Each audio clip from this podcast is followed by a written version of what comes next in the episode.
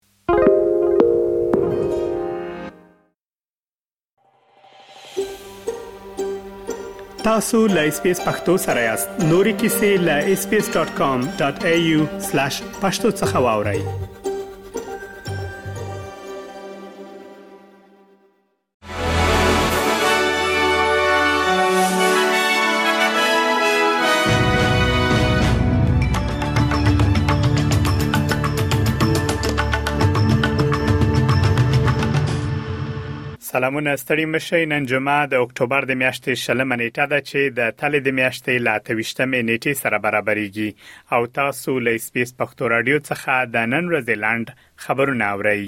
یوه فلسطینی الاسله آسترالیایی سړی له غزې څخه د خپل میرمنې د بیرته راستنولو لپاره د فدرالي حکومت پر هڅو نیوکه کړې ده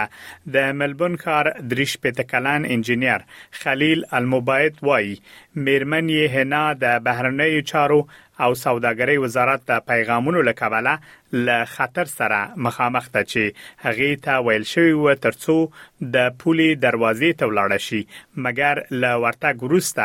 هغه دروازه تړلې وه د بهرنیو چارو او سوداګرۍ وزارت وایي هر هغه څه چې په توان کې لري په غزې کې د شپږ څلوېښتو بندو پاتې استرالیانو لپاره کوي مګر د مرستې امکانات محدود دي د متحده ایالاتو چارواکو څرګنده کړې چې په وروستۍ ورځو کې په عراق او سوریه کې د دوی په عسکرو څو ځله بریدونه شوي دي په داسې حال کې چې د اسرایل او حماس د جګړې لامل په سیمه کې تاوتریخوالی مخ په زیاتېدو دی ولسمشر جو بایدن په تیرو دوه اونیو کې منځنی ختیسته سمندري ځواک لګلې چې په کې دوه الوتکې وړونکې بېړۍ، نورې جنګي بېړۍ او شاوخوا دوه زره سمندري ځواکونه شامل دي. د بغداد نړیوال هوایي ډګر ته نږدې په یوې نظامي اډې چې د متحده ایالاتو ځواکونه په کې پراته دي، راکټي بریدونه شوي دي.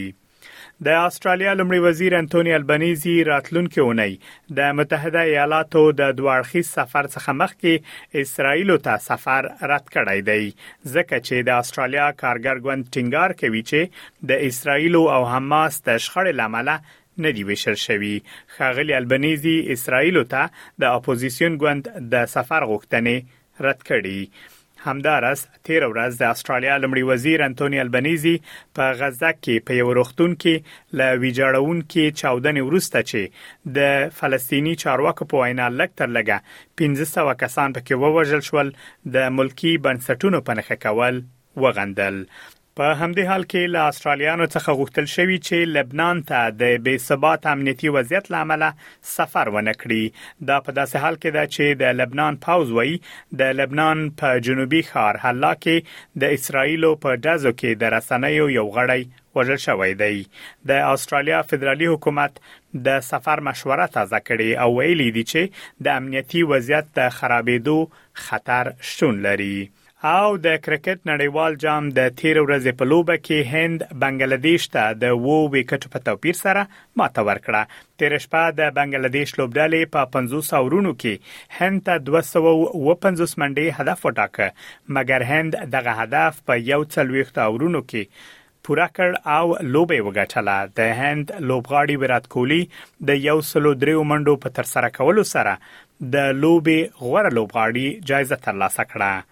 دا وه د نن ورځې لنډ خبرونه چې ما مجیب منیب تاسو ته وړاندې کړل. تر بیا مو الله مل شه.